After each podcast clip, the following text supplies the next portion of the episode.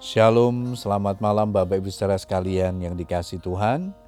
Kita bersyukur sepanjang hari ini Tuhan sudah menyertai dan memberkati kita dalam rumah tangga dan pekerjaan.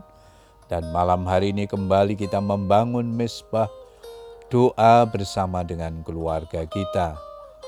Namun sebelum berdoa saya akan membagikan firman Tuhan yang malam hari ini diberikan tema didikan dan hajaran Tuhan. Ayat mas kita di Ayub pasal 5 ayat yang ke-17, firman Tuhan berkata demikian, Sesungguhnya berbahagialah manusia yang ditegur Allah, sebab itu janganlah engkau menolak didikan yang maha kuasa. Adakah seorang anak yang tidak menerima didikan dari ayahnya atau orang tuanya, semua pasti pernah mengalami dan merasakannya. Karena terlalu bandelnya, terkadang seorang anak sampai harus mengalami hajaran.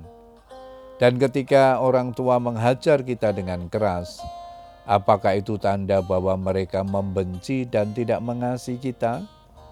Amsal 13 ayat 24 di sana tertulis, Siapa yang tidak menggunakan tongkat benci kepada anaknya, tetapi siapa mengasihi anaknya menghajar dia pada waktunya.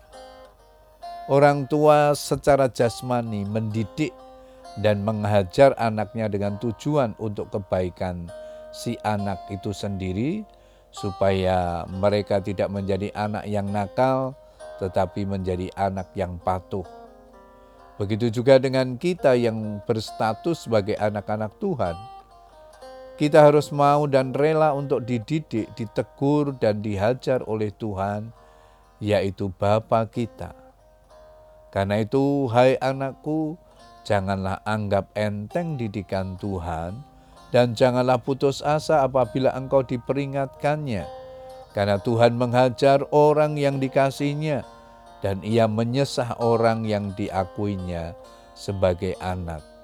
Ibrani 12 ayat 5 6. Namun yang perlu kita pahami, kata hajaran ini bukanlah suatu pukulan yang didasari oleh perasaan marah atau benci, tetapi mengandung pengertian suatu tindakan disiplin yang akan membawa kita kepada kedewasaan. Memang untuk dapat masuk dalam didikan Tuhan ini tidaklah mudah karena kita harus menaklukkan keinginan diri sendiri khususnya yang menyangkut kedagingan kita. Didikan dan ajaran Tuhan itu memang sakit bagi daging kita. Tapi semua itu mendatangkan kebaikan bagi kita. Hal ini membuktikan bahwa Tuhan sangat peduli dan mengasihi kita sedemikian rupa. Tuhan mendidik kita supaya kita tumbuh sebagai manusia-manusia rohani dan berkarakter seperti Kristus. Karena itu jangan marah dan kecewa jika kita sedang berada dalam didikan Tuhan.